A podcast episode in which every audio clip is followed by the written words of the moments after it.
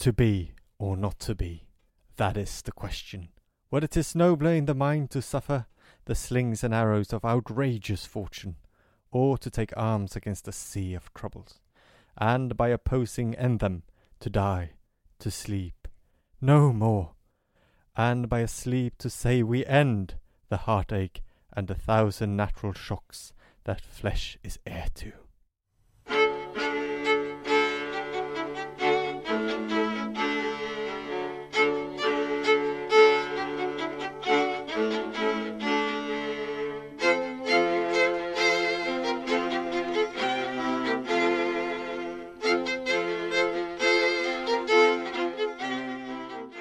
Tackar Sebastian för denna fina läsning. Jag har alltid tänkt att jag är lite av en thespian så att jag försöker passa på när jag får.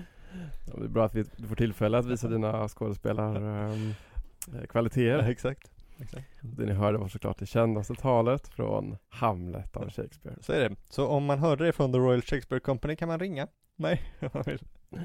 Du lyssnar alltså på alla tiders podcast från Ringön i Göteborg Just det, bra sagt. med Carl-Magnus Juliusson. Och med Sebastian Bernhard. Ja, och det här blir väl eh, sommarens, nej vänta blir det, terminens sista avsnitt. Det blir terminens sista avsnitt ja. Det är möjligt att det kommer dyka upp några bubblare va? Mm, Kanske några specialavsnitt men Så kan det vara, så att eh, tryck gärna på följ då om man vill Ja. att de ska ploppa upp. precis för då får man ju se dem när de kommer. Ja, precis. Ja, det kan man ju faktiskt göra. Man kan följa, man kan till och med ratea tror jag. Ja, det kan man göra. Det är kul. Det är mycket man kan göra med sin telefon. Och eh, ja, som ni förstod, vi ska prata om Hamlet. Shakespeares absolut mest berömda pjäs någonsin och världens mest citerade. Oj, ja det, det låter rimligt i och för sig ja. Det är alltid sådär lite känsligt såklart med vad som är världens mest men, eh, Ja, jo, jo det är ju det. men den ligger ganska bra till. Ja, nej verkligen. Man, det är ju en sån, det är en sån där man vet vad den handlar om innan man har sett den. Precis, men jag tror ändå att eh, folk kommer eh, behöva en viss genomgång för att mycket, mycket har man nog inte helt koll på. Nej, man kan, man kan eh, grund, grundbetsen. Ja, exakt. Deppig kille och som ska, som ska mörda sin styvfarsa. Och alla dör. Ja, precis. Klassiskt. Ja. Jag brukar faktiskt tänka att jag är nästan uppvuxen på Shakespeare. Alltså, wow. För nästan varje sommar, från att jag var 8 till 16, så åkte vi med familjen varje sommar till Vadstena och Mm. tittade på en Shakespeare-pjäs. Vad fint va? För de har en väldigt fin eh, sommarteater där varje år och som de fortfarande har. Eh, På den tiden hette Shakespeare på Gräsgården, men jag tror de har bytt eh, lokal nu för tiden. Då ägde den rum mot en bakgrund av Vadstena kungsgård. Mm. Det kungapalats som byggdes under mitten på 1200-talet Ja, coolt va? och som var ett lustslott fram till att kung Mark Magnus Eriksson och drottning Blanche 1346 testamenterade till Vadstena kloster. Okej, det var en passande bakgrund va? Eller hur? Väldigt bra om man är en ung pojke. Så i denna medeltida slottsmiljö fick jag då se faktiskt då från åtta års ålder eh, mycket väsen för ingenting, att tukta närbygga, slutet gott, allting gott, Rikard den tredje, förväxlingskomedin och såklart Hamlet. mm. Och det var otroligt fint faktiskt. Ehm, Så det är faktiskt mina första upplevelser av teater. Oj, coolt. Väldigt Och- coolt. Ingen, alltså det är ju inga rekvisiter utan det är den här slottsväggen. De har tidsenliga kläder som de har sytt själva. Mm. Inga moderna inslag. Så det är liksom, det, texten är och miljön är i framkant liksom och eh, jättebra. Ja, det låter ju väldigt bra faktiskt. Ja. Det är nog bättre än mina första teatererfarenheter som mest bestod i olika friteatrars eh, experimentella barnteater. Var, Att du ändå hittade till Shakespeare trots, trots den upplevelsen. det är fantastiskt faktiskt. Ja, jag vet inte. Det är underligt ibland, du vet när, när barn skäms över det vuxna gör, då vet man att något är fel. Ja, då är det riktigt Eller det gör de ju ofta, men nu pratar vi små barn. Man ska inte skämmas när man är sex. Nej, inte för vad vuxna beter sig. Nej. Nej, det är inget bra. Nej. Jag tycker, tänker annars att det är ganska, det borde vara ganska lätt för barn att tycka om Shakespeare. Ja, det är, ja. Alltså det är ju riddare, det är dueller, det är svärd, det är starka känslor, det är fäktning. Mm. Det är liksom, det är jättecoola grejer. Ja, det är bra. Och eh, Shakespeare har ju också skrivit sina pjäser för att det ska finnas något för alla. Ja, det är sant. Det är faktiskt en del av hans grej ju att liksom, oavsett om man är kunglig eller en enkel bonde eller en aristokrat Oavsett om man är dum eller smart eller vuxen eller barn Mm. Det är så man säljer biljetter va? Ja, det är ju det. Mm. Så är det Men om vi ska dra igång Hamlet, Shakespeares längsta pjäs Ja, den är lång alltså. Ja, men inte, alltså det är inte lång som en roman liksom Nej, nej. Eh, Och man vet inte riktigt när, när de här är skrivna, men någonstans mellan 1599 och 601 brukar man väl räkna. Mm. Och ehm, man känner ju till då Hamlet som själva sinnebilden av en ung, manlig, melankolisk, ung pojke. Han är Ung intelligent. var med flera gånger där tror jag. Jag vet, jag har råkat skriva lite fel det, var, det var kul tycker jag, jag tycker det, det visade på vikten av ungdomen här. Precis. Han är intelligent, Mm. han är frustrerad, han känner sig missförstådd, han tänker på döden, han känner sig instängd, känner känsla av meningslöshet. Mm. Han är varje ung man. Ja, var det du eller Hamlet undrade man när man hörde det? Ja du, Eller inte nu kanske men eh, man har väl haft sin eh, Hamlet-period. Jag tänker att, men du Sebastian, du har ju pratat en del om ditt eh, högstadiesvårmod och din eh, Keats-anda. ja. Hamlet känns ju ganska Det är nära, det är nära absolut. Det ska, det ska man inte sticka under stol med. Men du såg det inte som en eh, ung Hamlet när du var ung? Nej, jag hade, jag, jag läste väl Hamlet på gymnasiet någon gång, tror jag. Eh, någon, eh, svensk, i en svensk översättning. Vi, Men, vi, eh, såg, eh, vi såg faktiskt på eh, gymnasiet så såg vi den här Mel Gibson-filmatiseringen. Ja, just det. Den är faktiskt, den är faktiskt inte dum. Alltså Nej. Mel Gibson må ju vara ett svin men han gjorde en bra Hamlet faktiskt när han var ung. Mm. Skotska högländerna tror jag den är inspelad väldigt fint. Härligt. Nej men jag har nog inte tänkt, jag tänkte nog inte på det men hade, hade du varit där och påpekat det så kanske det hade fallit, fallit rätt. Va? Men du, är du inte lite Hamlet? Jo, nu när du säger det. När du säger det. Det är också därför ju som han är en sån karaktär som många har identifierat sig med och känt sig befryndad med över flera århundraden och sådär. Ja det hjälper. Men Hamlet är ju, som ofta kanske, han är ju inte en helt unik figur för sin tid. För den här typen av melankoli, att vara ledsen och eftertänksam, var faktiskt lite på modet under 1500 och 1600-talet bland män. Mm. Och då inte minst i England. Och ibland kallas det här faktiskt för The English Malady eller The Elizabethan Malady. Okej. Efter Elisabeth den första då, som var drottning vid den här tiden. Mm. Shakespeare räknas ju som sagt till den elisabetanska dramatiken, brukar man ju kalla det. Ja. Snarare än att man säger renässansdramatiker så säger man ju att han är eli- elisabetansk för- drama, ja, dramatiker. men just det. För det är en sån speciell eh, guldålder i engelsk teater. Och eh, typiska namn då förutom ja, Hamlet då, så är ju poeten Philip Sidney. Vi har kompositören John Dowland. Mm. Han hade som motto Semper Dow- Dowland, Semper Dolens. För den som inte är så duktig på latin så blir det alltid Dowland, alltid lidande. Sen har vi John Donne. Ja, Han okej. skrev eh, No Man's an Island. Mm. Ingen människa är en ö. Inom bildkonsten har vi ju Nicholas Hilliard och Isaac Oliver och sånt där. Och eh, om man tycker det är kuriöst så har jag släppt en liten diktsamling som handlar om lidande som heter Vad det eller vad de lider. Vad det lider med det är. Och den har faktiskt en väldigt hamletsk tavla av just eh, redan nämnda Nicholas Hilliard från den här tiden som omslag. Just det, det är sant faktiskt. Som Den är fin. Den är väldigt fin och Mm. som pekar på den här tidens melankoli även om jag såklart driver med den en del. Ja, jo, jo. Och på den här tiden så trodde man ju då precis som Waldorfarna i SVT-dokumentären på vätskornas balans i kroppen. Just det. Så att eh, det, den har många år på sin...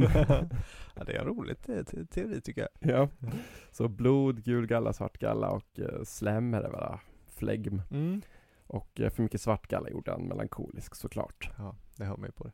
Melankoliker blev också ofta besatta av saker. Kärlek ses ju som en form av eh, romantisk sjukdom Mm. eller besatthet. En väldigt berömd bok från den här tiden är ju ehm, Anatomy of Mel- Melancholy från 1621 av en författare som heter Robert Burton. Han skriver då att den största orsaken till melankoli är idleness, alltså lathet eller vad man ska säga. Så det är ju en viss sorts då burna, rika unga män som det handlar om, som kan fäktas lite, läsa poesi, ligga under ett träd och dagdrömma. Ja, man känner ju igen sig i, i lite faktiskt. Ja, eller hur? För melankoli förknippas ju också med intelligens, Just det. Sebastian. ja, det var en humble brag. ja, eller hur? och, eh, men den vanligaste boken på ämnet under Shakespeares tid hette Treatise of Melancholy av en snubbe som heter Timothy Bright från 1586 tror jag det var. Mm. Så att eh, man brukar räkna från 1580 så att var den här psykiska sjukdomen då på modet. Ja. Och eh, Shakespeare eh, skildrar den inte bara i Hamlet utan han, ibland parodierar han den ju också och det finns ju drag av eh, den melankoliska unge mannen i Romeo Ja. i Jack i As You Like It eller i Benedict i Much Ado About Nothing. Två kanonkomedier för övrigt. Ja. Men den främsta skildringen i historien är ju såklart Hamlet.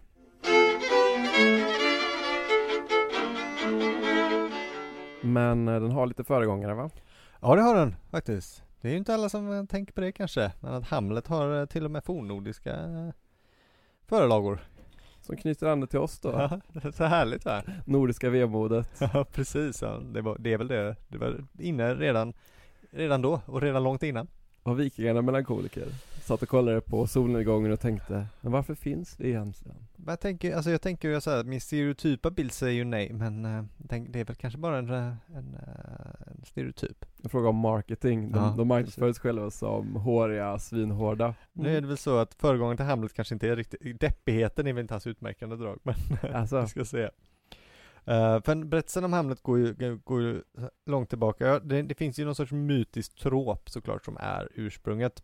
Berättelsen om kungen som mördas och sonen som måste hämnas. Det låter som också mycket verklighet i många, Det tror jag, i absolut. många hov och eh, i kungarnas historia. Nej precis, det har, det har nog definitivt historiska, verkliga ba bakgrunder. Det tror jag. Um, kanske den mest kända av dem, i alla fall den jag kom först tänka på först, är ju Agamemnon. Um, som jag tror också, eftersom det har gjorts så mycket pjäser på den, har den nog också säkert uh, legat till grund för en hel del dramatik. Ja, Det är den är ju så dunder stor också Ja, såklart. nej, och men betydelsefull. Då är det ju Agamemnon och kungen över Akajerna uh, och Mykene som har besegrat Troja och seglar hem. Där blir han mördad av sin fru och hennes älskare. Hon heter då Klytamenestra och han älskaren heter Aigistos. Och Orestes, han måste då hämnas och han mördar båda. Och Agamemnon, det är väl för att han har offrat Ifigenia va? Ja, precis. Han har ju offrat sin dotter Ja. och eh, morsan blir lite lack på det va? Ja, nej man ska ju inte säga att Agamemnon är en skön typ. Han fick, det var inte helt klarblå himmel även om, eh, ja, det är många som har gjort dumma grejer. Ja, nej så är det Nej, men, visst. Men det som händer i den då är ju att eh, det finns ju olika versioner såklart, men oftast så är det ju då att eh, Orestes blir hemsökt sen då av hämndgudinnorna för han har ju mördat sin egen mor. Inte så bra heller. Nej, precis. Eh, jag undrar, jag tänkte på det också när jag såg Hamlet, att han, där görs ju väldigt tydligt att han inte tänker hämnas på sin mor, eller att han inte ser henne som eh, ett off, en, eh, någon att mörda i alla fall. Nej. Jag undrar om inte det kan ha, ligga lite i, i den här referens till det. Det kan det nog verkligen göra. Det kan någon, det kan någon forska vidare på. Eller har de gjort det? Ska Han måste ju, eh, det känns som att ändå en referens som säkert fanns nära till hands åtminstone. Nej men precis. Mm, Och även berättelsen om någon som låtsas vara galen är ju, ga- finns ju ganska många förlagor på.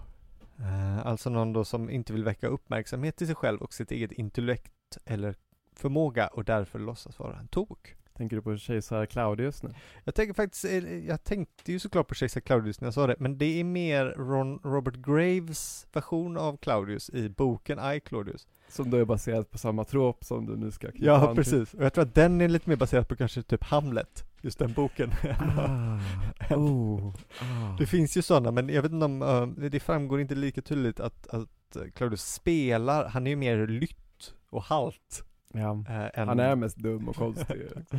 Ja, de främsta som brukar lyftas upp då, om man- om man gör en snabb googling, är ju då framförallt Brutus. Och inte då Brutus som mördar Caesar. För det finns ju en annan Brutus, som är, som är släkt antagligen med den Brutus, som är han som grundar republiken, den romerska republiken. Han är, så han är ju en av Roms största hjältar. ah. Han heter Lucius Junius Brutus och han låtsas ju i då berättelserna om hur kungarna störtades och republiken infördes och de spela klumpig och, och klantig och dum för att inte då den här Tarquin-familjen, kungafamiljen, ska förstå att han är duglig. Aha. Och på det sättet kommer ingen eh, avundsjuka över honom. Och han riskerar ingenting. Förrän då visar sig i slutet att han är ju världens kille va? Och eh, tar hem segern sen då. Ja, precis. Exakt. Men den version av den här myten då som ju Shakespeares pjäs är mer direkt inspirerad av eh, är ju en dansk legend. Vilket är kanske eh, Varför den utspelar sig då? varför den utspelar sig i Danmark kan man ju tänka sig. Elsno. Precis. Och det är historien om Amlet. Amlet heter han, inget H. Egentligen skulle man kunna säga Amletus, tror jag, för att han finns ju då bara eh, omnämnd i en latinsk eh, text. Berättelsen finns te- tecknad av en man som heter Saxo Grammaticus. Um, han skrev ett stort verk som heter Gesta Danorum, som heter Danernas bragder. Och uh, Saxo, han levde på 1100-talet. Så det var jävla länge sedan. Ja, det var länge sedan. Mm. Han skrev ju då en dansk historia, så det är det det här är från början med en mytisk person som heter Dan, tacksamt nog. Dan från Danmark. Ja, Dan, ja precis, som därifrån danerna då kommer. Ja, ja. Mm. Bra namn där. Och eh, svenskar kommer som heter Sven. Det. Sven och Dan gick åt varsitt håll. Bara, det här är, här är Svens ställe och det här är Dans mark. Ja, precis. Um, och, eh, och det här är ett jättelångt verk, den är på 15 böcker tror jag. Uh, och väldigt, väldigt långt. Den skrevs nog på inrådan av Absalon som var ärkebiskop i Lund och som grundade Köpenhamn. Som ah. är en väldigt stor person i dansk historia. Uh, och en intressant detalj, bara innan vi går vidare här, är att den här boken är ju samtida med Snorre. Mm. Som ju skriver norsk historia och, och, lite svensk historia. Men om man tänker att de här två är samtida, men Snorre skriver på fornnordiska i Norge och lite i Sverige, medans eh, Saxo då skriver på latin. Kanske säger någonting om hur mycket mer kontinental Danmark hade hunnit bli redan på 1100-talet. Det är faktiskt en spännande detalj. Mm. Uh, och Am Amlet då, föregångaren, han, han tar en ganska stor del. Han är uh, en stora delar av bok 3 och hela bok 4 handlar om Amlet. Um, och vem är Hamlet? Jo, det finns då likheter och skillnader. Amlet är en kungason vars kung, vars pappa blir mördad av hans bror som gifter sig med hans uh, mamma. Ja, det, är, det är ju samma, det är samma historia. Uh, det finns några skillnader då, den utspelar sig på Jylland mer specifikt, så det, han är inte kung av Danmark utan han är bara kung av Jylland. Det är egentligen den, den enda stora skillnaden, jo, det är ju det att Hamlet överlever, Amlet, förlåt, Amlet överlever. Okej. Okay. Och härskar sen. Och så det är, de, det, är de, det är den stora skillnaden liksom, att, uh, att han blir ju kung och, och en bra sådan också. Uh, och han är ju inte deppig, utan han låtsas ju bara vara galen. Ah, okay. Han rullar sig i svinstian och i smutsen och sådär så att de ska tro att han har blivit eh, totalt tokig. Då är ju Hamlet lite mer värdig så att säga. Ja, nej precis. Det här är lite mer Lytes eh, komik kanske. Men tror man att eh, Shakespeare haft tillgång till den här? Ja, jag kommer till det, men det, det kan han ha haft faktiskt. Um, men eh, också en annan likhet som är spännande är ju att i den, i den danska versionen så åker han ju också till England. För att de, han ska bli mördad där genom ett förbund som pappa, äh, styrpappan har slagit. Så redan det finns med i den 1100-talsdanska versionen. Ah, ja, ja. Eh, men så, så blir han så jävla populär i England. Så att, det bär inte på den vägen. Och eh, det är lite oklart varifrån Saxo har hämtat den här historien om Amlet, för det finns ju inga andra belägg för honom eh, i tidigare historier. Han har nog inspirerats av Brutus-legenden. Lite den här spelar galen. Många om, pekar på att han, det här ska vara inspirerat av en isländsk saga som heter Rolf Krakes saga. Där det är två bröder som klär ut sig eh, för att hämna sin pappa. Jag tycker det är lite, lite svagt om jag ska vara ärlig. Lite långsamt kanske. Den, den som jag skulle tro på är den här teorin om att det, det är liksom bara en oral dansk förlaga. Mm. En saga som såklart är inspirerad av de här allmänna myterna eh, som han har skrivit ner på. Eh, men det finns liksom inga, inga riktigt supertydliga bevis på det. Men den bar ju frukt sen, den här historien, för den var faktiskt ganska läst den här boken. Eh, den trycktes i Paris på 1500-talet. Okej. Okay. Eh, och, och, och, blev det därigenom ganska spridd på latin. Eh, och bland annat Erasmus tyckte mycket om den. Okay. Erasmus av Rotterdam. Han, han prisade till och med Saxos latin och tyckte att det var inte så språkigt.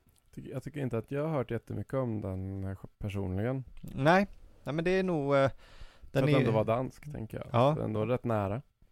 Jag tror att den används lite sorgligt tyvärr bara som ett bevis, som ett bevis för tidig nordisk historia.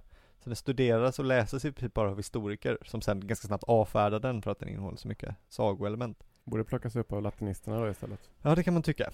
Precis, den är ju mer litteratur än, äh, än historia så att den kanske borde läsas mer som litteratur. Det är ju inte helt orimligt då eftersom att även Livius och Tacitus och de här läses också, inte av historiker kanske Nej, primärt. Men äh, gärna av folk som gillar skönlitteratur. Nej men precis. Och eh, latina såklart. Nej, alltså plocka upp en Saxo, den finns eh, tillgänglig i svensk översättning. Ganska gammal tror jag, men ändå. Eh, men då så kan den, hur hamnade den nog i Shakespeares händer? För det är nog lite oklart om han läste den här även ens den franska 1500-talstryckningen. Men det är nog för att en person som heter François Bena, Benafont, eller Benafonte, nej Benafont men han inte, han var fransk. Släkt med Harry Belafonte. Antagligen. Precis. Ja. Han gjorde en, vad jag förstod, vad jag förstod är en översättning där han har lagt, har lagt in lite grejer som heter Histoire tragique. Som är en samling tragiska berättelser och sagor. Han skrev, eh, kom färdig på 1580-talet. Där historien om Hamlet ingår. Ah. Så det är liksom en samling av eh, tra tragiska korta berättelser. Liksom. Det låter ju mer som en rimlig förlaga då. För ja, han läste ju, Shakespeare läste ju ganska mycket den typen av eh, berättelser och plockade ju mycket sånt. Det finns ju mycket förlagor till de andra, hotell och sånt där ja, som kom, kommer från novellsamlingar och mindre sammanställningar och sådär av myter och sagor och så. Nej precis. Och den här François de Benfont, han, han plockade nog bara in, han fick väl reda på att det här fanns och tog in den som en, mm. en, en, en, en till saga liksom. Uh, så det är väl antagligen så den har hamnat, att just att det är den här danska prinsen som då blir Hamlet. Uh, och inte att han, att han förlägger det någon annanstans. Sen finns det ju den här Ur-Hamlet, som är en hypotetisk tidigare pjäs om Hamlet, som kanske kan ha skrivits av en, en dramatist som heter Thomas Kidd, med Y, Kyd, Kid. Um, och det, skulle, det så skulle det ju kunna vara, det, det är i så fall den som då skulle vara den direkta direkta förlagen. Han har ju bland annat också skrivit en version av King Lear, Thomas Kidd, så det verkar som att han och Shakespeare jobbar lite i, i samma spår. Det här är ju inte ovanligt i liksom litteraturhistorien och så. Berättelsen om Romeo och Julia är ju massa olika romaner Nej. och uppsättningar och sånt där så att eh, det fanns ju inte copyright på den här tiden och eh, man, man gjorde ju vad man ville liksom. Ja, nej, Någon sa, vilken framgång det var med den där, den där Don Juan-historien. Kan inte du skriva en Don Juan till oss? Och så gjorde man det. Nej men visst. Och så gjorde man väl den så bra man kunde och Ja, ja. nej men precis så är det ju exakt. Alltså många operor det finns på Orfeus och sånt där liksom, att de kollade ju på varandras grejer och ja. Nej men så kan det vara, så det kan ju vara den här då, ur-Hamlet, ur-Hamlet som det heter på engelska. Kul att se ur på... ja. ja. ja, verkligen. Uh, men vissa menar att ur-Hamlet då kan ha varit också författare av Shakespeare. För att det finns ju några versioner, uh, Hamlet. Um, men, uh, men, som sagt, den är i så fall försvunnen. Det är en hypotetisk pjäs. Jag tror att det låter ganska rimligt att han nog bara hade läst François de Benfont och tänkte det här låter bra. Ja. Vi snor det här konceptet. Ja men det låter väl um, mm. inte alls konstigt. nej, precis. Och eh, vi kanske kommer in på det sen, men det är också sådär, det, uh, han kan ju ha stött på en hel del danskar också som kan ha eh, varit, alltså det här har jag, här har jag lägger in en annan hypotes, han kan också ha hört den bara, historien om Hamlet. Mm. På en krog kanske, om en, en dansk. För, fanns det mycket danskar i London? Det fanns mycket danskar i London, alltså. absolut. Mm. Och vi kommer in på det sen för att uh, kopplingarna mellan uh, Shakespeares London och Helsingör är inte så, de är ganska starka på den här tiden. Se där. Mm. För att eh, då tycker man ju att det är konstigt att inte um, Att inte karaktärerna i Hamlet har mer danska namn. Nej det är lite, lite underligt. Varför heter, det är de, då, varför heter de Marcellus istället för Sören? det är i och för sig en bra poäng. Det är en bra poäng. Om man då träffat danskar så hade ju bara kunnat ta deras namn. Det är sant, det enda danska namnet är ju Gertrud. Uh, men det finns ju faktiskt med redan i Saxos, där heter hon Gerut. Men... Det känns lite mer tyskt va? Kanske. Det är lite mer tyskt faktiskt. Ja, ja där har du en poäng, men det, det funkade kanske inte på en, eh, på en engelsk scen. De kunde inte, hör, skulle inte fatta om han hette Sören. Vad roligt det hade varit. Christian! Lars! Kom här! ja, men äh, man kanske kan göra en ny version. Ja, jag gillar också de latinska namnen. Ja, det är väldigt fint. Oh Horatio. Oh. Det blir inte riktigt samma sak att säga Oh Henrik. Nej, faktiskt inte. I Danmark hade man kunnat göra det. I Danmark med, det kanske de gör. Jag har aldrig sett en dansk uppsättning av det. Jag mm. utgår från att de sätts upp ibland i Helsingör. Det borde de göra. Oj vilken, så himla bra. De borde ju spela Hamlet varje år. Alltså, det gör, här borde vi googla men det gör de eller tror du inte det? Alltså annars är det ju så himla ja. miss. Ja verkligen. Alltså när de ändå har borgen. Ja exakt. Nej, nej det borde de göra. Och mitt i det här får man ju inte missa att den här podden görs i samarbete med Delfine förlag. Det gör det. Mm, eller hur? Som eh, satsar på klassisk utgivning i sommar. Två riktiga pangverk kommer ut den 15 juli. nu när vi sitter här och spelar in så har vi faktiskt lämnat in dem till tryckeriet. Ja. Sjukt va? Det är väldigt eh, läskigt. Det ska bli kul att se dem. Ja. Mm. Och eh, det är ju då Agricola. En eh, romersk krigsskildring där allt är, allt är skit och kul samtidigt. Ja. Och sen är det Priapeia och den får ni inte missa. Det är en eh, supersnuskig diktsamling. Inget för en pryda. Nej, men eh, det var ju tur för det är ju, inte- de lyssnar ändå inte på det här. Det är sant. Det är sant. Så gå in på delfiner.se och spana in. Även en releasefest om du bor i Göteborg. Ja, precis den 15. Yes, så gå in på vår Facebook-sida så kan du upp lite evenemang och skit. Exakt. Det blev väl här, härligt. Underbart. Det satsar vi på. Gör det. Ja. Ha det gött. Hej.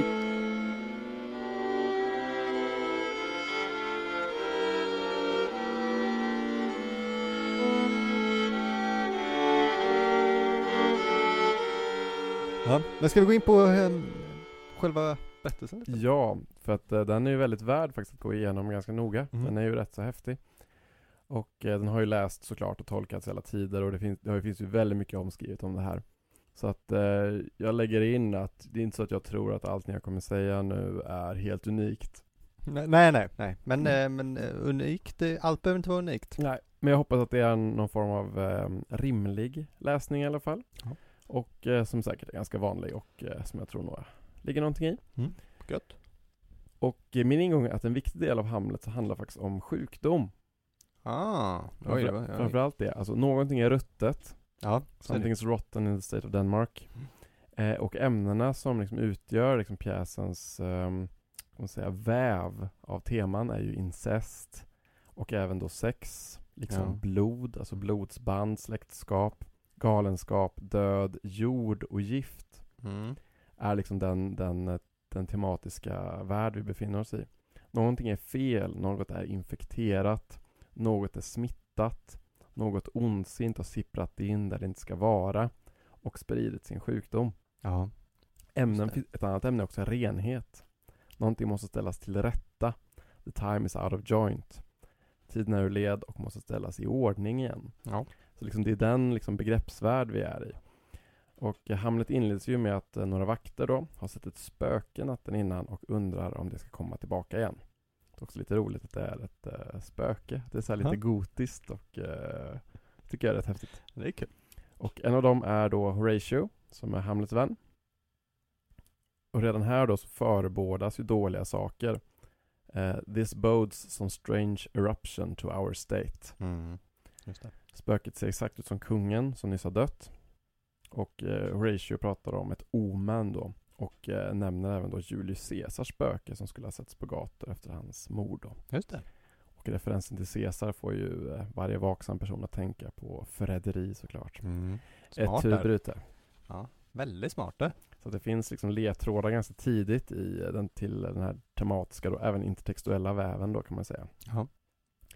Kungen som är död heter också Hamlet och är pappa till Hamlet. Mm. Käckt. Och eh, kort efter hans död, och inte ens två månader efteråt, så annonseras det att Hamlets farbror Claudius ska bli ny kung och även gifta sig med Hamlets pappas drottning. Mm. Hamlet är såklart väldigt upprörd Ja. och ser deras giftermål som incestuöst. Och eh, han säger faktiskt det bokstavligt talat, Ja. åtminstone två gånger tror jag, att, att han ser det som eh, en incestuous marriage. Liksom. Här kan man ju se, här har ju många läst in och det är ju ganska rimligt att det finns en ganska uppenbar referens till Henrik den åttonde. Och hans, eh, för han, eh, han gifte ju sig med sin brors änka. Eh, Och gjorde själva grunden till att han bröt med Rom och menade sig kunna gifta sig med då Anne Boleyn är ju att han menade att det var incestuöst. Ah. Han hade fått dispens för det, för att de skulle aldrig ha fullbordat äktenskapet. Men, eh, men det här, det, det ligger ju i den elisabetanska tiden och är ju fortfarande en väldigt känslig fråga så här nästan hundra år senare. Shit. Det är i alla fall, jag tänker väl direkt på den, eh, på den saken. Det är ju en jätterimlig läsning och eh, om, man, om man har läst mycket tragedier överlag så är det ju väldigt vanligt att man skriver om sin eh, nära politiska situation Mm. men förlägger den på andra ställen. Så Ja, gjorde även Aeschylus och Sofokles, de la allting i Sparta eller i liksom eller i Troja typ, när, Ja, när det egentligen handlade om väldigt mycket atensk politik. Nej men precis. Mm. Men, ehm, och Hamlet då, han skuldbelägger ju då och äcklas av sin mamma då och eh, inte minst hennes svek då mot hans far. Ja, Så han har en väldigt eh, idealiserad och eh, fin bild av sin Just det. pappa då. Ja det kan man ju säga, det, bara, det ska man ju säga där att det var ju liksom enligt kristen och biblisk rätt får man inte gifta sig med sin brors änka. Ja, så det är förbjudet också? Nej, ja Mm. precis. Så det är ju incest enligt tidens eh, normer. Det är inte bara Hamlet som tycker det. Nej, det är en bra, bra viktig poäng också. Ja. Och ehm, en sak som man måste gå in på såklart är också att eh, Hamlet är extremt fyndig. Vi pratar ju om melankolikerns intelligens. Just. Och hans tal är ju såklart briljanta och några av dem är de mest berömda i historien såklart. Ja.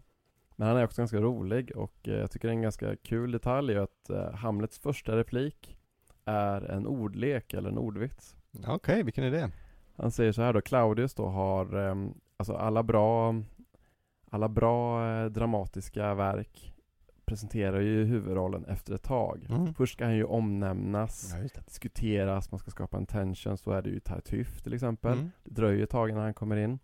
Och kanske den mest berömda av alla är ju såklart eh, presentationen av James Bond i första Bond-filmen. Ja, just det. Man får se honom bakifrån, man ser liksom, man ser hans händer. Mm. Liksom man, man, man, ser, man tänker det där måste vara han. Och så får man liksom inte se honom. Tills man får se då, and what's your name? Bond. James Bond. Just det. Och att det är, så, det, är så, det är så dramatiskt perfekt introduktion av en huvudroll. Ja. Men även då Hamlet är väldigt, väldigt kul. För det är så att Claudius då, han presenterar Hamlet som sin kusin och sin son. Ja, ja.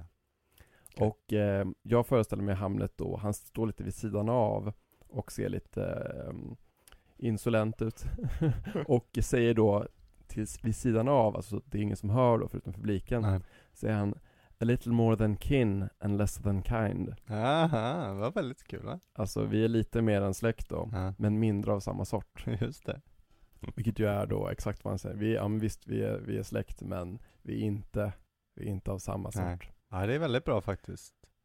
Så Ja. han, han börjar med en, med en vits. Även Hamlet är ju nästan en vits. Hamla lätt i trubbel va? Absolut, Ja. exakt. De här vakterna, de berättar då såklart för Hamlet om det här spöket. Och eh, Hamlet blir såklart till sig och går med på att eh, följa med och titta på det, för det här sker ju då liksom på vaktposten utanför Ja, borgen. Eh, spöket då, den, den har inte talat till någon av vakterna, men den talar till Hamlet. Mm. Och han berättar då att han har mördats av farbrorn med en eh, form av juice av något som heter Hebona. Ja, just det. Ja, jag vet inte. Och eh, det är ju väldigt sorgligt. Alltså, han avslutar ju talet till Hamlet med Remember me. Hamlet, remember me. Just det. Och det är ju väldigt eh, vackert såklart. Precis som i Lejonkungen. Ja, exakt. För den, ja. ja, det, och det, är också, det är också, tycker jag, den sorgligaste delen i eh, Lejonkungen. ja, det är det absolut. Ja. Precis.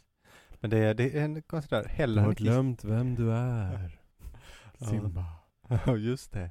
Just det. Mm. är det. Och så ser han sig själv i spegeln där Ja. liksom, och eh, liksom, han, han har försvunnit bort från eh, sin Mm. faders liksom, väg. Ja, det är ju jättesorgligt. Ja, verkligen. Men heller han inte gifta till öronen? Jo. Konstigt. Det är väldigt roligt eh, hur man nu tänker att det ska gå till. Jävla dumt. De här då vännerna och vakterna svär att inte berätta det här för något. Och eh, Horatius säger att det här är konstigt. Very strange. Och Hamlet eh, säger då det- den berömda raden. There are more things in heaven and earth, Horatio, than are dreamt of in your philosophy. Just det. Att det finns eh, mörkare saker och konstigare saker i världen Mm. än man kan föreställa sig. Det är bra. Och först nu då kommer temat om både melankoli och galenskap in. Och jag tänker typ att det egentligen nu som Hamlet egentligen börjar, alltså i akt två. Det här Ja. är mer liksom ett, eh, en stämning, en upptakt, liksom, en tematisk liksom, eh, prestation. Så är det. Men i akt två då, ehm, Polonius, Polonius då berättar då för drottningen att Hamlet är galen. Han, ja. han äter inte, han är svag, han är nedstämd. Eh, Hamlet har ju då också sen innan en flört då med Polonius. Polonius är någon form av Chamberlain, alltså någon form av kammarherre va. Ja. Hamlet har då en flört med hans dotter som heter Ofelia. Och Polonius pratar lite med Hamlet om det. Han har, då, han har ju försökt få dem att inte, Ofelia ska ju inte besvara hans kärlek har han sagt åt dem att göra. Just det. Um, det är roligt också, Polonius blir också förvånad över hur smart Hamlet är trots sin galenskap då. Han svarar så himla fyndigt hela tiden. Ja. Så säger Polonius ehm, Though this be madness, yet there's method in it. Mm. Väldigt fint. Och det är också nu som eh, en ny dimension av det här sexuella temat, alltså incesttemat kommer in. För att Hamlet äcklas ju av sin mors eh, incest då. Och eh, vilket då påverkar väldigt mycket hans syn på Ofelia och hennes renhet och på hennes kön. Vilket visar sig i flera ganska fyndiga formuleringar. Eh, Den första som jag tycker är kul handlar om fru, fru Fortunas kön. Okej. Eh, Man kan se om, om jag hoppas alla ser vad jag ser i den här raden här men Jaha. eh, Hamlet frågar hur hans vänner mår. Mm. En så säger då On fortune's cap we are not over happy. Nej, cool. Och Hamlet svarar Nor the soles of her shoe. Och sen uh, Neither my lord. Får han svar. Då säger Hamlet Then you live about her waist or in the middle of her favors. Mm. Och får ett svar Faith, her privates are. Jaha. Så de pratar ju om fru Fortunas eh, mellangärde. Absolut. Som då visar lite grann på hur de tänker. Och det är ju den här partiet då i akt 2 som många av Hamlets eh, mest deppiga och bästa rader kommer till. Mm. Typ, eh, den här är väldigt kul tycker jag. Eh, There's nothing either good or bad, but thinking makes it so. Ja, Han, han har alltså gått och blivit en relativist. ja exakt. Och han beskriver Danmark som ett fängelse. Mm. Denmark's a prison. Och han förakt, föraktar människan, både män och kvinnor. Han kallar det the quintessence of dust. Och han tänker såklart mycket på döden. Ja. To be or not to be. To die, to sleep. Ja, exakt. Han önskar till och med att hans mamma inte har fött honom. Så Ja, det är hårda grejer det här. Mm. Där har man väl varit någon gång. Mm. Kl- Klassisk depp-mode. Ja. Och det är, så, det är så härligt tycker jag också att de här fraserna är liksom samma. Ja, nej, visst. Alltså, det hade kunnat vara sam, alltså tagen från en liksom 80-talsfilm. Ja, absolut. Ja, jag önskar att jag inte fötts. Det skulle kunna vara liksom taget ur fucking Åmål typ. Ja. Väldigt roligt. Och ehm, Polonius och även då Claudius då, farbrodern. De är hyfsat överens om att det måste vara Ofelias avvisande av Hamlet som har gett upphov till Ja, den här depressionen. Man är ju lite, tänker ju att kungen borde vara lite... Han kan liksom inte misstänka att, att han vet, men han vet ju inte att han vet Nej. att det är ju spöket som avslöjat det. Nej, nej det, jag tycker en underlig detalj är bara varför inte... Ja, nej, det, det hör ju inte till, men varför blir inte Hamlet kung? Eh, Ja du. Men, men i alla fall, ja. Man ska kunna successionsordningen här nu, ska vi se. Nej, Sätter men- du mig på pottan? Nej, nej, nej. Men jag bara tänker att han tänker så här, hans pappa är död och, och hans mamma gift om sig, det är då. Unga, unga människor blir ofta knepiga då. Så är det, så är det. Det är, de borde vara med på att det här är känsliga grejer. Ja. Men de tror i alla fall att det är kärleksbekymmer som har Ja, gjort honom så Det är här. ofta det. Men eh, det visar sig då att ett teatersällskap i närheten Mm. och de tänker att ja, men det skulle väl kunna muntra upp Hamlet. Väldigt bra tips. Och, eh, så det är väl en bra idé. Och eh, det leder också till att, eh, eller det leder inte till det, men eh, ungefär precis efter det så har också Hamlet och Ofelia ett eh, samtal. Ja. Där Hamlet är lite elak mot henne och säger att han inte älskar henne och sådär. Och är inte jättesnäll. Nej, kan man säga. Och ehm, det berömda i den här passagen är väl att han säger åt henne att gå i kloster då. Just det. Och det är en väldigt eh, berömd fas i passage. Eh, han menar då att världen är hemsk och behöver inga fler syndare så hon ska ju inte föda några barn. Nej. Och han vet att hon ska gömma sig för världen då. Det som är det absolut intressanta här, det är ju att den här raden, han säger det typ tre gånger tror jag. Ja, to, den to a nunnery. Ja, ja. To nunnery go, liksom uppmanar henne liksom. Och det intressanta där är ju att enligt en 1500-tals Oxford-ordlista så är ju nunnery också slang för bordell. Aha, okej. Så att det här är en väldigt speciell fras då, som han då, alltså man, vi vet att den är viktig eftersom annars hade ju inte han sagt det tre gånger. Nej. Men så han säger alltså samtidigt till henne att hon ska gå i kloster och gå i en bordell. Just det. Så att det finns en väldigt, eh, den här frasen tycker jag i alla fall är väldigt viktig tror jag, för det finns liksom en tvetydighet i hans relation till Ofelia som, som manifesterar sig i en, i en tvetydighet. Att å ena sidan så vill han ju rädda henne, liksom hennes renhet, att hon ska undvika en förfallen värld. Ja. Och det är liksom det, jag tänker att det är det som han egentligen vill säga, att det är han, att det han tänker medvetet. Ja. Men omedvetet, liksom så tänker han också, i och med sin mamma, att Ofelia, precis som alla andra kvinnor, som hans mamma, är en hora. ja, just det. Men det tror jag du har rätt i. Så att det liksom att det är det som att han, han tänker att hon är en hora, men han, men han, han vill säga att hon ska liksom skydda sig. Nej. Men det liksom blir den här konstiga tve, tvetydigheten också. Och den finns framförallt i den sista raden som är då To nunnery and quickly. Mm. För ordet quickly tänker man på Shakespeares tid ska uttalas quicklay, Ja, ja. Ja, det borde göra. ett snabbt ligg. Ja. Och då tänker man, men det där var väl fett eh, långsökt. Kom Ja.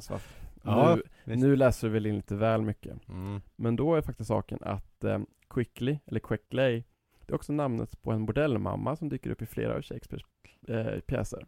Så där. Mm. Så att eh, han har ju uppenbarligen använt den här vitsen flera gånger. Ja, ja, exakt. Så att det är nog inte bara jag som är eh, väldigt tramsig och pervers.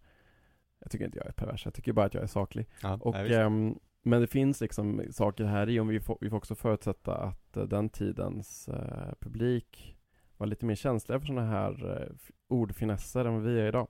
ja, det var en ganska stor del av, av dramatiken. Precis. Men något av det man var där för att se. Så att eh, det är en väldigt speciell, eller väldigt viktig passage där, även om den, man inte tänker det, så tror jag att den här är väldigt intressant. Mm, det var bra. Fan vad spännande. Mm, mm, mm, mm. Men, ehm, men, jag, men det viktiga är ändå tänker jag att Hamlet inte, han menar inte det här utan, alltså han menar inte en av de här utan Nej. han syftar, alltså båda de här grejerna måste man tänka, det är inte så att han menar antingen bordell eller, eller kloster utan det måste vara båda samtidigt, det är kluvenheten i det som är att han säger en sak och säger en annan samtidigt som är det viktiga tänker jag Hamlet, det här teatersällskapet då, han ger ju dem instruktioner Mm. och ber dem alltså att sätta upp en pjäs i vilken kungen blir mördad av gift i örat av sin bror och sen också gifter sig med drottningen. Vilken, eh, vilken twist. Han kör ingen, eh, ingen subtilitet här utan väldigt klar på sak. Ja. Och eh, att det sker, det vill säga som i verkligheten. Och ehm, under den här föreställningen kommer det här sexuella temat mellan honom och Ophelia upp igen. Hamlet frågar Ophelia Lady, shall I lie in your lap?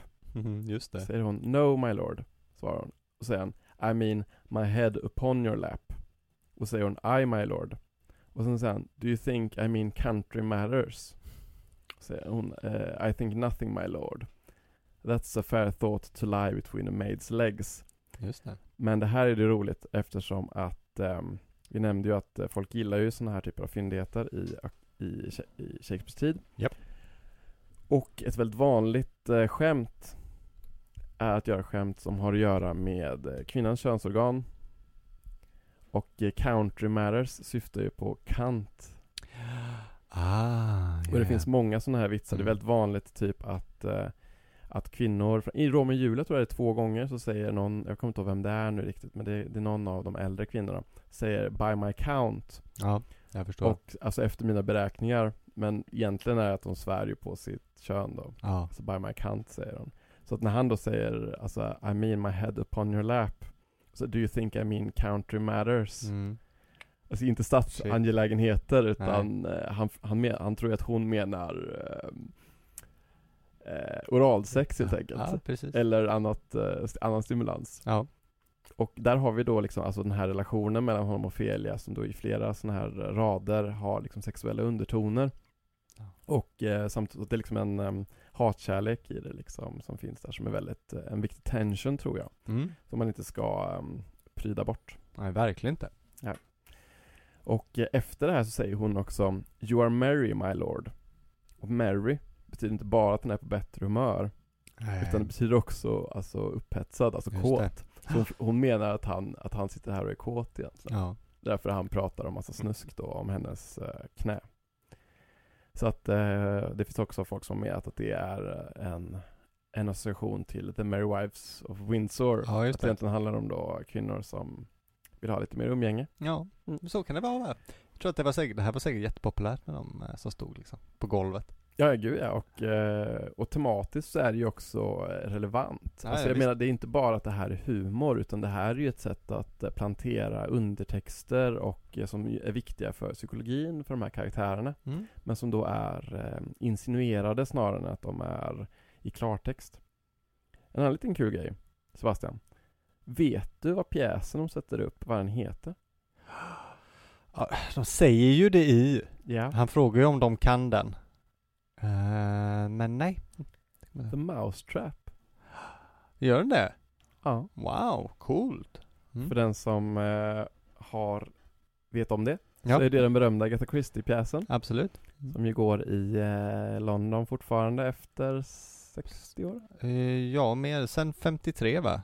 Och jag Ja. tänker att Sebastian nu ska avslöja slutet på den. kommer jag inte göra. Du har ju faktiskt svurit den ner. Jag har svurit ner. Jag har ju sett den och gör man det så måste man ju lova när man går därifrån att man aldrig ska avslöja den, hur den slutar. Jag är också väldigt eh, avundsjuk på det, jag vill också se den. Ja, den är jättebra så är man i London så ska man se den tycker jag. Men jag vet inte om, det är, om du kommer ihåg det, jag vet inte om det är någon, eh, att det finns någon rolig förbindelse mellan eh, mellan Hamlet och eh, den, den historien. Men det får du se. Det får du se när Jag är du ser den. Jag nyfiken. tänker absolut inte säga någonting. Jag är så nyfiken. Ja, nej. Jag har också där hittat att det Ja. finns en pjäs i det här som heter The Mousetrap. Det blir plötsligt väldigt spännande. Väldigt spännande. Nu får inte du gå hem och googla heller. Nej, jag ska För jag vet ju att det går någonstans på nätet att hitta det. Ja men jag vill inte fuska. Nej. Och om, om jag vill veta någonting så vill jag att du ska ge mig exakt det jag kan, det jag, det jag har rätt till att få. Jag vill inte, jag vill inte gå in Jag ska ärlig också att jag inte riktigt minns. Så tydligt att jag kan. Men jag får åka till, jag får åka till London snart. Ja, nej precis. Mm. Hoppas att det inte är något EU-tjafs. Nej, men det ska nog gå bra. Ja, vad skönt. Men i alla fall då. Kungen, Mm. ja han blir såklart, Claudius då alltså, den nya kungen, han blir såklart upprörd av den här pjäsen. Ja, inte så konstigt. Och eh, lite också avslöjar sig genom att bli så upprörd. Mm. Så att eh, det är nu, Faktiskt. Ha- Hamlet är ju säker nu, han vet ju att det här, och han har också sagt till eh, Horat, Horatio att eh, kolla på kungen nu och eh, om han eh, beter sig konstigt, well, that's your fucking proof. Ja, nej exakt. Hamlet börjar också bli lite paranoid nu. Och han har liksom en, en fantastisk utläggning där han försöker få en av sina vänner eh, att spela flöjt. Mm. Han bara, ja men det är bara att trycka på de här knapparna och blåsa, men jag vet inte om man gör. Så här, Vadå? Det är bara blås i den, tryck på de här knapparna. Och så säger han, men jag kan inte spela flöjt. Då säger då Hamlet, ehm, ja så du menar att jag är lättare att spela på än en flöjt? För han tycker då att hans Ja. vänner Rosencrantz och eh, Guildenstern, lite dans va? Lite, lite. Ja, han menar att de försöker spela honom, att de Ja. manipulerar honom. Och de har ju också fått eh, i uppgift av kungen att eh, underhålla honom från, alltså att inte hålla på att vara så deppig. Men också luska ut varför han beter sig som han gör. Ja, nej visst. Och han då ser då att de liksom inte är helt ärliga. Och så har han den här fantastiska utläggningen om, eh, om flöjterna. Det är så himla roligt alltså. Ja. Efter det går Hamlet till sin mamma. Och eh, ger henne ganska ordentlig utskällning. Ja, kan man säga. Och eh, som ju har framförallt med att hon är gift sig med en brodermördare och eh, han lägger fram kort, korten kan man säga i att, eh, ja, vem Claudius är då Ja. och hans farbror. Det är väl lite oklart, det kommer inte, får man reda på om mamman vet? Jag tror inte, nej alltså hon, Mm. hon förnekar det ju såklart. Ja, jo, jo. och, eh, men jag tror att hon kanske inser att det ligger någonting i det. Men eh, det är väl en, jag tror att hon, hon inte känner till det. Nej, nej. Saken är, är ju den också då att eh, Polonius, om ni kommer ihåg, har skickats till det här rummet för att spionera på Hamlet. Eftersom han har blivit Ja, mer oberäknelig och lite slug. Och gömmer sig då bakom ett draperi. Bra gömställe. Precis. Och i den här scenen då som eh, Sebastian nämnde innan där när eh, Hamlet blir lite upprörd och eh, mamman Gertrud då tror att han försöker mörda honom. Nej, exakt.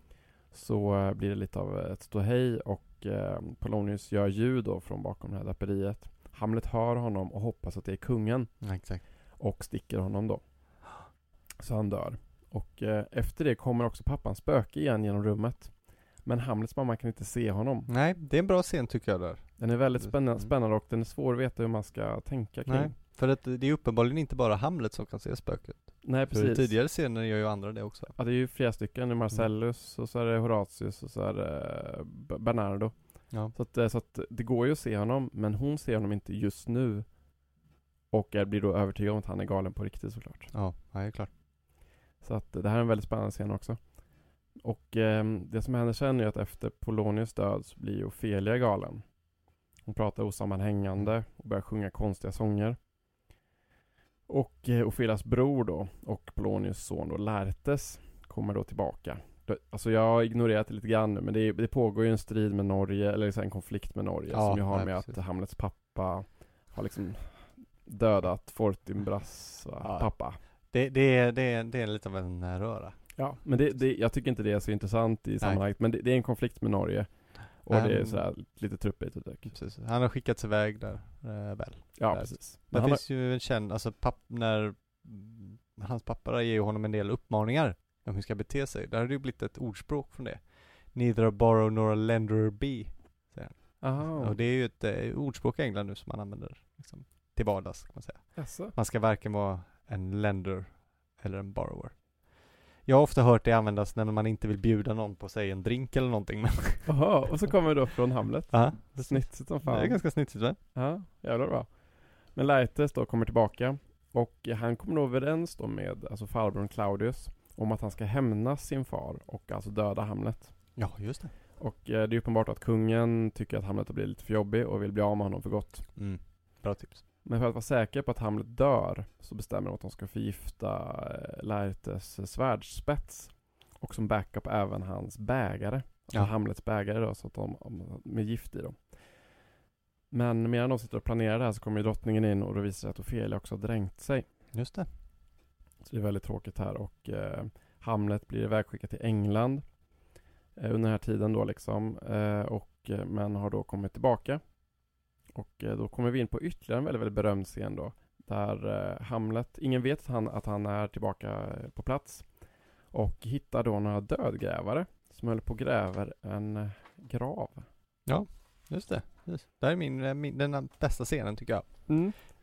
Är, men det är en väldigt speciell scen och ehm, Precis, nu nämner vi, oss- vi närmar oss slutet här. Det här är ju första scenen i den femte akten. Liksom. Um, och man känner ju även i stämningen i pjäsen att det börjar dra ihop sig. Det är därför jag tycker det är lite speciellt just den här scenen, som på vissa sätt är lite ett avbrott från handlingen, kommer in nu ja men precis, det är som att det är lugnet för stormen va? Ja, precis. Det är väldigt dramaturgiskt härligt faktiskt. Ja, för fjärde akten slutar ju med att om en Ofelia är död och de har planerat hur de ska giftmörda Hamlet. Ja, liksom. precis. Så det är så här, det är ju bara wow, nu kommer det bli eh, duell och, eh, och liksom någonting hemskt liksom. Och så öppnas den så fint med en slags pastoral bild Ja. med eh, liksom där han går utanför murarna. ja, exakt. Så jävla bra.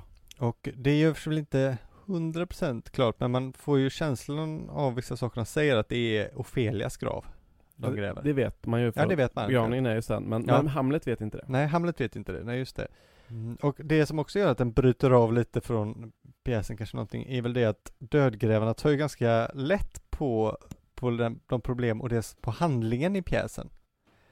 Ehm, Det får man ju verkligen säga. Ja, precis. Alltså de kval som resten av karaktärerna brottas med, det skämtar ju de här dödgrävarna om. Hamlets dödsångest. Ja. Die to sleep. Exakt, vilket jag också tror är författaren, här Shakespeare, som är lite rolig också.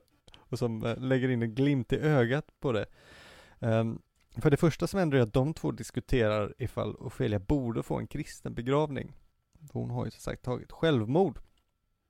Och enligt tidens... eh, Begått eh, självmord, Sebastian. Begått självmord, säger man, säger man så? Man tar sitt liv, man begår självmord.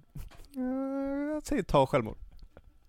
Jag skojar bara, jag vet bara att folk kommer säga det. Så jag, det? så Är det en grej? Det har jag aldrig hört. Jo det är sånt där klassiskt eh, som, fo- som folk säger fel på och som man blir Aha. rättad för. En ganska morbid sak att rätta någon på. Ja, jo visst. Men det finns besserwissrar nej, där nej, ute.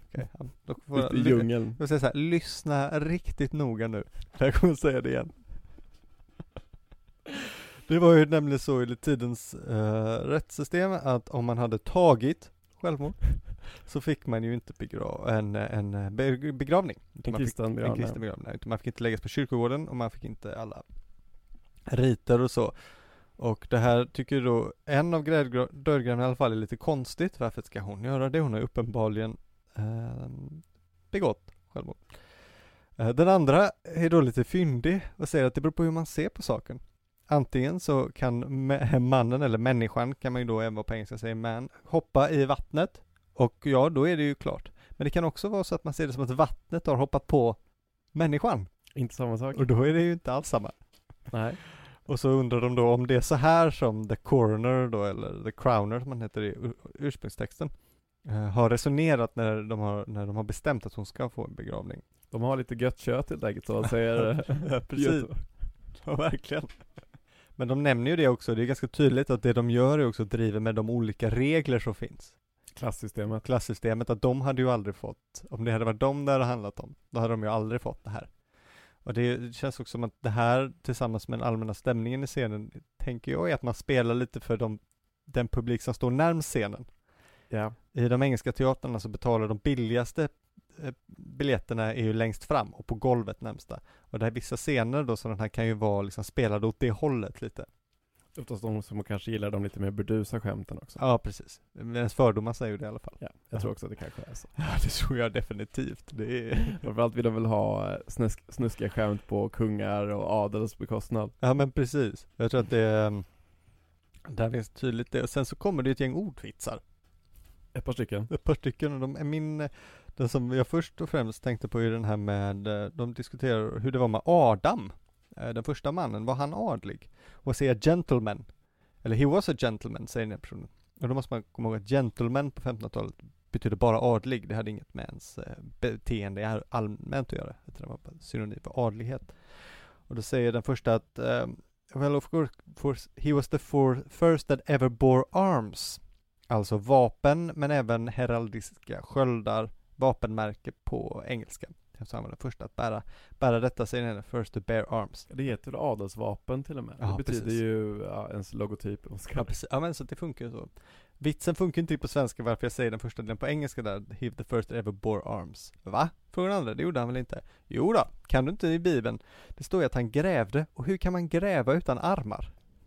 Ja det är väldigt roligt. Jätteroligt skämt. Alltså de, det är, men det är ju så alltså, Shakespeare har ju ofta i många av hans pjäser dödgrävare eller liksom clowner mm. eller liksom uteliggare eller folk som beskrivs som galna. Och det är oftast de som är eh, liksom absolut roligaste. Nej, visst och de som har mest upptåg och då oftast ibland pratar med publiken och sådana mm. saker. Vilket är ju, alltså det här är ju liksom de bästa. Nej precis. Det är lite Godot över det. Ja men faktiskt. Mm. Ja men det är så att de har fått en egen pjäs. ja precis. Eh, men det som händer sen som jag har dem är också att de eh, den ene frågar vem som bygger starkaste bostäder, eller vem som bygger starkare bostäder än både muraren, de varvsarbetaren och snickaren. Och då säger den ena, ja men det måste ju vara han som bygger galgar. För att eh, i hänggalgen, den står ju kvar efter, även efter tusen hyresgäster. Ja det är, det är mörkt skämt alltså. Mörkt skämt. A thousand tenants. Så. Oh, den, det är... Uh, men då frågar den andra, ah men kom igen, pröva igen nu. Då säger han, jo men det måste ju vara jag själv, eftersom att min byggnad kommer stå kvar till domedagen. Ja. Så en, äh, ganska mörkt skämt faktiskt. De har en del distans till det här med döden då. Ja, precis. Som inte Hamlet har. Nej, nej exakt. Det, alltså det här är inte en jättelång passage, det är väl nej. kanske en sida eller sådär liksom. Ja, men, något äm, sånt där. En väldigt men, tight. Verkligen, och efter det så kommer ju ytterligare ett skämt som är efter att Hamlet har kommit dit. Mm. För att äh, Hamlet vet ju inte vems grav det är. Nej, just det. Så han frågar då om den här dödgrävaren då, äh, vems den är. Och dödgrävaren säger att det är hans. Eh, Hamlet håller med om att det är hans eftersom att han ligger i den. Ja, exakt. Liksom, då säger dödgrävaren att den är hans även om man inte ligger i den. Nej, precis. Och säger han You lie out on it sir, and therefore it is not yours. For my part I do not lie in it, yet it is mine. Mm.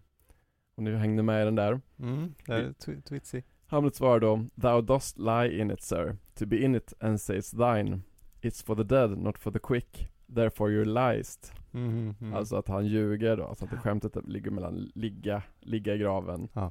Och att ljuga om vems det är då liksom. Nej det är väldigt, väldigt smart faktiskt. Det är ju, och den är väl lite av en sån här tungvrickare. Thou dost lie in it sir to be in it and say it's thine and for, it's for the dead not for the quick therefore the liest. Ja, ja.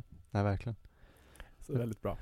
Men sen försöker han ju få reda på vems det är på riktigt och då även där så håller han ju på och uh, spelar med honom liksom. Han frågar ju då vem som ska, vilken man som ska ligga här. Ja, det är ingen man, säger han först. Jaha, en kvinna då? Nej, det är ingen kvinna heller, men någon som har varit en kvinna. Nu är hon ju död.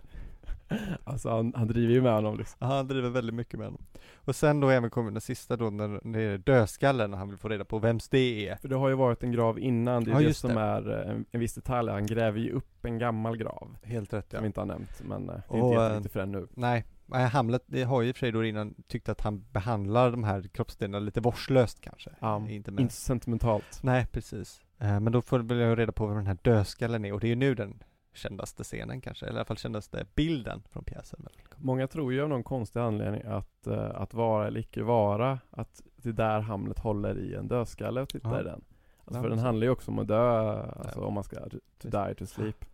Men så är det ju inte. Det är en av de största konstiga myterna eller missförstånden ja, som har skett. Så att, att att vara icke vara, att han skulle göra, säga det till en dödskalle. Nej, det är redan i akt två väl han säger ja. det talet. Så det är långt innan dödskallen dyker upp. Verkligen. Utan det är nu han tittar in i en dödskalle och säger någonting helt annat. Ja, precis. Utan det är ju Yorick då, får han reda på, uh, narren, som att han var liten, och så säger han Alas, poor Yorick, I knew him Horatio. A fellow of infinite jest, of most excellent fancy. Det är underbart. Ja, det är väldigt fint. Så det är när som brukade bära honom på sina axlar. Precis. Och som han lekte med och som tog hand om honom som barn. Så han får ju då liksom också en liten sentimental stund här av ett av de vackraste grejerna tycker jag i just den här scenen är också när han då säger att Alexander den stores kropp är också bara, bara damm. Ja, precis. Ja, det är väl där de säger att vi är ju alla, vi göds ju alla för maskarna. Precis. Det är därför vi lever. Vi är, all, vi är bara ma maskmat och om vi äter så äter vi för deras skull. Exakt. Och också då att uh, ur jorden så kommer ju andra människor upp. Så att vi, vi, också, vi är också födda av död. Alltså att liksom vi äter mat som har växt på likfält. Där döda människor har gött mat som vi äter och så dör vi. Så alla bara äter och konsumerar död. Ja det är hårt. Det är så Men, eh, jävla fett alltså. Det är så jävla bra. Men här kan man ju säga att den här serien tar slut i och med dödskallen lite. Att vi återgår till det normaltillståndet och vi gör oss redo för slutscenen. Ja. Det slut, den här scenen slutar väl med att Ofelia bärs in va? Ja precis, de hör um, bjällrorna från begravningen. Ja. Mm. Ja precis, så, så efter den här lilla parentesen ja, så är plötsligt inne i Hamlets vemod igen. Mm. Och, um, och det som händer är såklart den här duellen då efter den här begravningen som han ska ha med Laertes. Som ni minns så har ju han ett förgiftat svärd. Mm. Men Hamlet är, har ju tränat i England så ja. att, eh, han är ju en jättebra fäktare. Ja, verkligen. Så att eh, det går ganska dåligt för Light. Så att han, jag tror att Hamlet får in två träffar i alla fall. Ja, nej. Innan, eh, innan uh, Laertes får in sin första då med det förgiftade svärdet. Sen får man uh, föreställa sig en viss uh, effekt tumult. Ja. För det som händer är att de tappar sin svärd och råkar byta. Ja, exakt. Vilket då leder till att Hamlet förgiftar även Laertes. Mm. Och eh, drottningen, hon dricker av misstag av den förgiftade bägaren. Och efter att hon dött då och eh, insett att hon har blivit förgiftad så hugger Hamlet ihjäl Claudius. Och eh, det fina är ju att Laertes och Hamlet förlåter varandra och ja. inser att det är kungen som är den riktiga skurken. Precis. Innan de båda dör. Det är ändå, eh, ja det är ändå lite uddigt ur Laertes perspektiv men ändå. Ja faktiskt. För att jag tycker ju att i begravningsscenen så tycker jag där är Hamlet, Hamlet lite av ett rövhål faktiskt. Ja det får man säga. Han är skittaskig mot honom. Jo. men, men, men. Ja men så kan det vara. Och giftet, sjukdomen, infektionen mm. dödar alla inblandade. Just det. Alla smittade. Och sen är allt över. The rest is silence. Så är det. Så att den, och den stora frågan här, det som folk brukar ja, eh, dröja vid, det är ju frågan om Hamlets galenskap ju. Är han galen på riktigt ja. eller inte? Vi pratade innan om myterna om den spelade galenskapen. Och eh, den kickar ju heller inte igång förrän han sett spöket och bestämt sig för att vrida tidens led tillbaka Nej. och ställa allt till rätta. Och som vi pratade om innan, det är heller inte bara han som sett spöket utan också Horatius, Marcellus och Bernardo. Men sen hans mamma ser ju inte spöket. Vad är, som, vad är det som händer här egentligen? Nej, och vad, vad är Hamlets liksom, eh, ställning? Och det, en av de spännande frågorna som vi hintade lite, det är den här frågan om agens. För Ofelia blir ju på riktigt galen. Ja, det är, där, där är det inte så tvetydigt. Nej.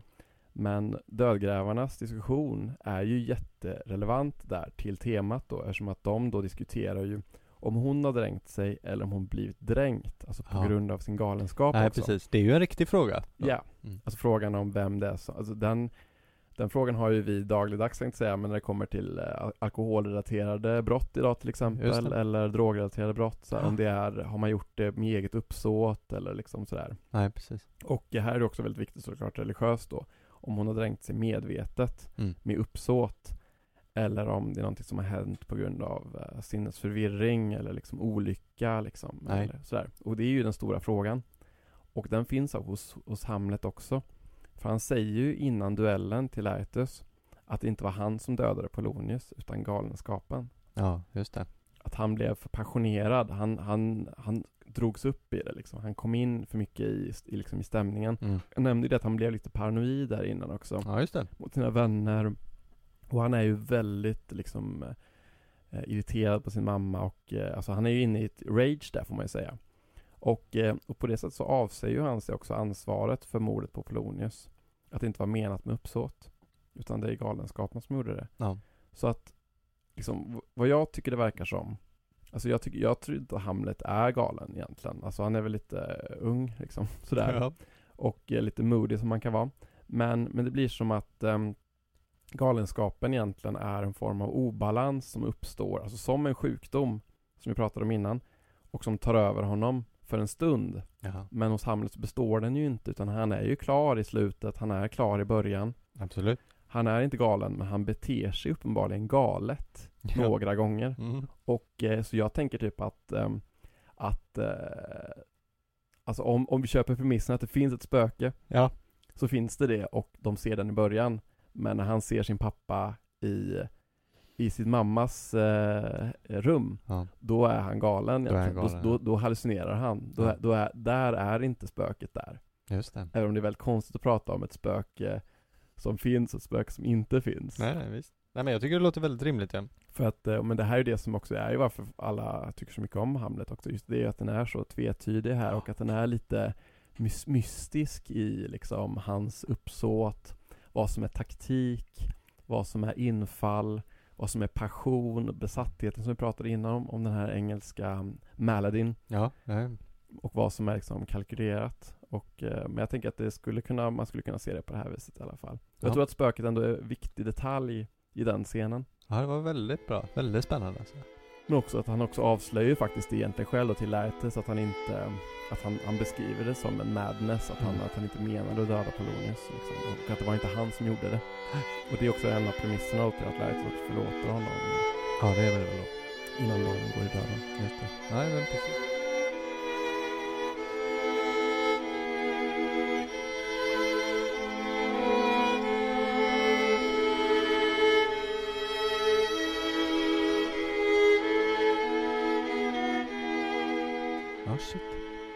Det händer mycket i den här pjäsen. Alltså. Ja men vilka så himla bra Ja, alltså. Den, är borde så, man se. Den går, den går att se kontinuerligt någonstans. Ja, ja gud ja. Och, eh, alltså jag tycker också, jag tycker inte man ska underskatta att läsa dramatik också. Nej, jag, det jag läser ofta dramatik och tycker det är Alltså de är så mycket kortare än en roman också. så det är går väldigt, ganska alltså, fort. Ja, men och det är så liksom, det är så mycket, det är liksom dialog, det är väldigt så här smidigt att läsa. Och så får man, man får ju liksom föreställa sig såklart Ja, ja. scenarierna och sådär liksom. Men det är så himla bra alltså. Nej, det är ju dialogdriven eh, dramatik ändå, så att eh, det mesta utspelar sig i dialogen. Ja, ja men såklart. Så. Men Jag utlovade ju förut en liten dansk koppling, förutom att den utspelar sig i Danmark. Men en- Den har vi ju. Den, förstår har vi. Mm. Och att det är ju baserat på en dansk historia. en dansk och dansk koppling, en liten samtidskoppling. Men en sak som man kanske undrar, om man bara sitter här, varför är det Helsingör? När det spelar sig? Det har man ju absolut undrat. Ja, varför är det inte eh, Köpenhamn? Eller något annat ställe där kungen av Danmark bor? Ofta. Mm. Kanske han borde väl bo, har väl bott i Helsingör bitvis men Och då är det ju så här va att en, en väldigt viktig, viktig sak under långa år, se, seklen för människor som höll på med handel var ju Öresundstullen. Ja, det är klart. Det är ju så att Danmark kontrollerade ju Öresund. På den här tiden, på, innan Sverige erövrade eh, Skåne, båda sidor Öresund. Och då byggde man ju ett jättestort slott i Helsingör. Det heter väl Kronoborg egentligen men, eh, Mm, ja, det låter rimligt. Ja. eh, Och i och med det här så kunde man ju ta upp tull från alla båtar som åkte förbi. Jävligt bra deal ändå. Det, det här ligger ju i grunden för i princip all Danmarks rikedom. Danmark var ju ett litet rikt land. Och det här retade ju andra länder till en mäkta grad. Det är ju därför Holland och sådär ofta stödde Sverige för att de ville bli av med den här jävla tullen. Och är man då en person som bor i London, eh, som är ett väldigt stor eh, handelscentrum, då har man utan tvekan hört talas om Öresundstullen. Jaha. All, alla båtar, alltså Ö- Östersjöhandeln är ju en av de viktigaste för näringen här och en person som Shakespeare som rör sig mycket i, på krogar och i, alltså en pjäsförfattare rör sig mycket runt handelskvarter och sådär. Då, då vet man vad det här är för någonting. Helsingör är nog en av Europas kändaste städer. Ja, det tänker man ju inte på. Nej, precis. Idag är det ju lite ganska sömnig stad. Det får man säga. Ja, precis. Så lever lite på färjan. Ja, precis. I alla fall. Eller Lite och lite. Lite och lite. Helt. Ja, helt, exakt. Men att det är just det här som gör att det är Helsingör. Det är den stad i Danmark som man känner till och som publiken till Hamlet nog känner till. Mm. Eh, faktiskt. Sen finns det ju en spännande, spännande scen i akt 1, scen 4. Det är det- en av de sista scenen väl i akt 1, eller näst sista. Där vi får veta eh, några saker om Danmark. Eh, Det ena som jag tyckte var bara en spännande snabb detalj, det är att de säger renvin flera gånger. De- Att kungen, eh, eller Hamlet äcklas lite av att kungen ska gulpa i sig renvin. Och Och här har jag bara en snabb detalj som är specifikt med, med kunskapen, därför att i England drack man inte renvin på den här tiden. Nej. Då drack man eh, claret som det kallas, man importerade vin från Frankrike, framförallt från Bordeaux. Det här säger att han kan någonting om Danmark, för man drack faktiskt renvin i Danmark och i Skandinavien. Ah. Så det säger att han faktiskt vet lite, han har, han har lite koll på, på hur saker är. Shit. Mm. Det är lite som att jag skulle liksom lägga en pjäs i Irland och så dricker de Guinness istället för. Det är lättare nu för tiden för nu har vi så bra kontakter, det hade man inte på den Det är tiden. bara att googla liksom. Ja precis, men mm. det är liksom den där att han vet vad de har för någonting. ah, snyggt. Sen, sen har han ju väldigt, eh, väldigt rolig utläggning. Eh, Som jag tycker är lite i tiden nu för framförallt med den här danska filmen ju. Druck. Ja, Eh, En runda till, som ju vann en Oscar. ja, den har jag sett. Och danskarnas alkoholvanor är ju ständigt på tapeten. I alla fall om man bor nära Stenabåt. Ja, Det kanske är mer det svenskars alkoholvanor i Danmark i och för sig, men eventuellt ja. Men han säger ungefär så här nämligen, en, jag har översatt det och tagit bort lite gre- mellangrejer, men han säger så här, även om det är en tradition här hos oss, och då pratar de om att dricka, och dricka mycket, då som kungen ska, ska jag ignorera det? Andra länder hånar oss för våra fylleslag. De kallar oss fyllon, och det förstör vårt rykte och fläckar ner våra gärningar. Det är precis som när man har en kroppsdefekt, ett litet negativ sak kan förstöra ett helt gott rykte. Fan det här kommer inte jag ihåg. Är det, är det akt ett? Det är akt 1 ja. Shit. Eh, vilket då, inget nytt under solen helt enkelt. Dan vad danskar lyckas åstadkomma, det blundar man alltid för. Det enda alla vet. 1500-talets England, 2021 Göteborg är att de är ena riktiga fyllon. Fulla sen 400 år Ja, tillbaka. precis. Sorgligt egentligen, för det är klart det finns eh, liksom eh, mer i Danmark än snaps och Tuborg. Men vem fan bryr sig om det? Smörrebröd. Smörrebröd Sak man har till öl. Sak man har till öl. Mm. Så det var väl en, så det säger också där, och det menar väl att han, han kan lite om danskar. Han vet. Har han supit med en dansk då i London? Det, jag tror det. Jag tror och, så, att är och så exakt tyckte att så här, men nu får du tagga ner liksom så här. Gå hem nu. Nej vi tar en till. Har du Tubo? exakt. Nej, vi har ingen jävla Tubo. exakt, jag tycker, jag tycker att det pekar mot att, alltså när jag läser det så tänker jag ju direkt, han har uppenbart träffat en dansk. Ja. Han- känner ju till allting om dem. Ja exakt. Alltså lika mycket som jag vet, och jag har ju varit där. Geni Shakespeare alltså. Ja, verkligen. Eh, och sen vill jag ge ett litet tips faktiskt till alla som har eh, barn där ute. Eller som bara eh, läser barnböcker ändå av någon anledning. Ja, jag hoppas att man har barn då. Jag hoppas också det. Framförallt, det är den här kanske, men det är faktiskt Bar- Barbro Lindgrens Titta Hamlet. Mhm. Det är väldigt storsäljare, så det är många som, som vet den, men den är himla fin tycker jag. Den är så himla fint målad. De är liksom olika djur, lite. Hamlet är en kanin. Mhm. Eh, och sedan väldigt roligt skriven och den var en eh, var en riktig hit faktiskt med mitt, eh, min där dotter, hon var sådär, ja, mellan ett och två år. Eh, många tidiga ord där. Eh, och den inleds med de fantastiska raderna, de första sidorna är Titta Hamlet. Hamlet inte är glad. Hamlets pappa är död. Hamlets mamma är dum. Hamlet får annan pappa. Annan pappa, jättedum. Så jag tycker ganska fint sammanfattar boken överlag. Ja, faktiskt. Men är dödsångest och incest bra teman för ett barn, tycker du? Ja men de har liksom skärt ner lite på det. Det är Ja. mer sådär Ham Hamlet ledsen, Hamlet galen, Mm. Hamlet dödar Ofelias pappa. Ja. Det slutar ju fint, eh, nu är alla döda. God natt. Alltså att så, att somna till att nu är alla döda. Ja men man förstår inte det, jag tyckte den funkar väldigt bra. Fan, Mm. ja, men hur, hon tyckte inte det var sorgligt på något vis eller? Nej jag tror inte hon förstod exakt konceptet, det var mer lite spännande. Ja. Mm. Och fina bilder. Och fina bilder. Ja.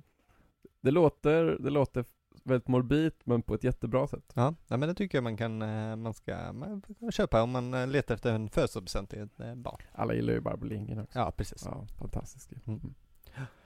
Ja, ska vi avsluta med det?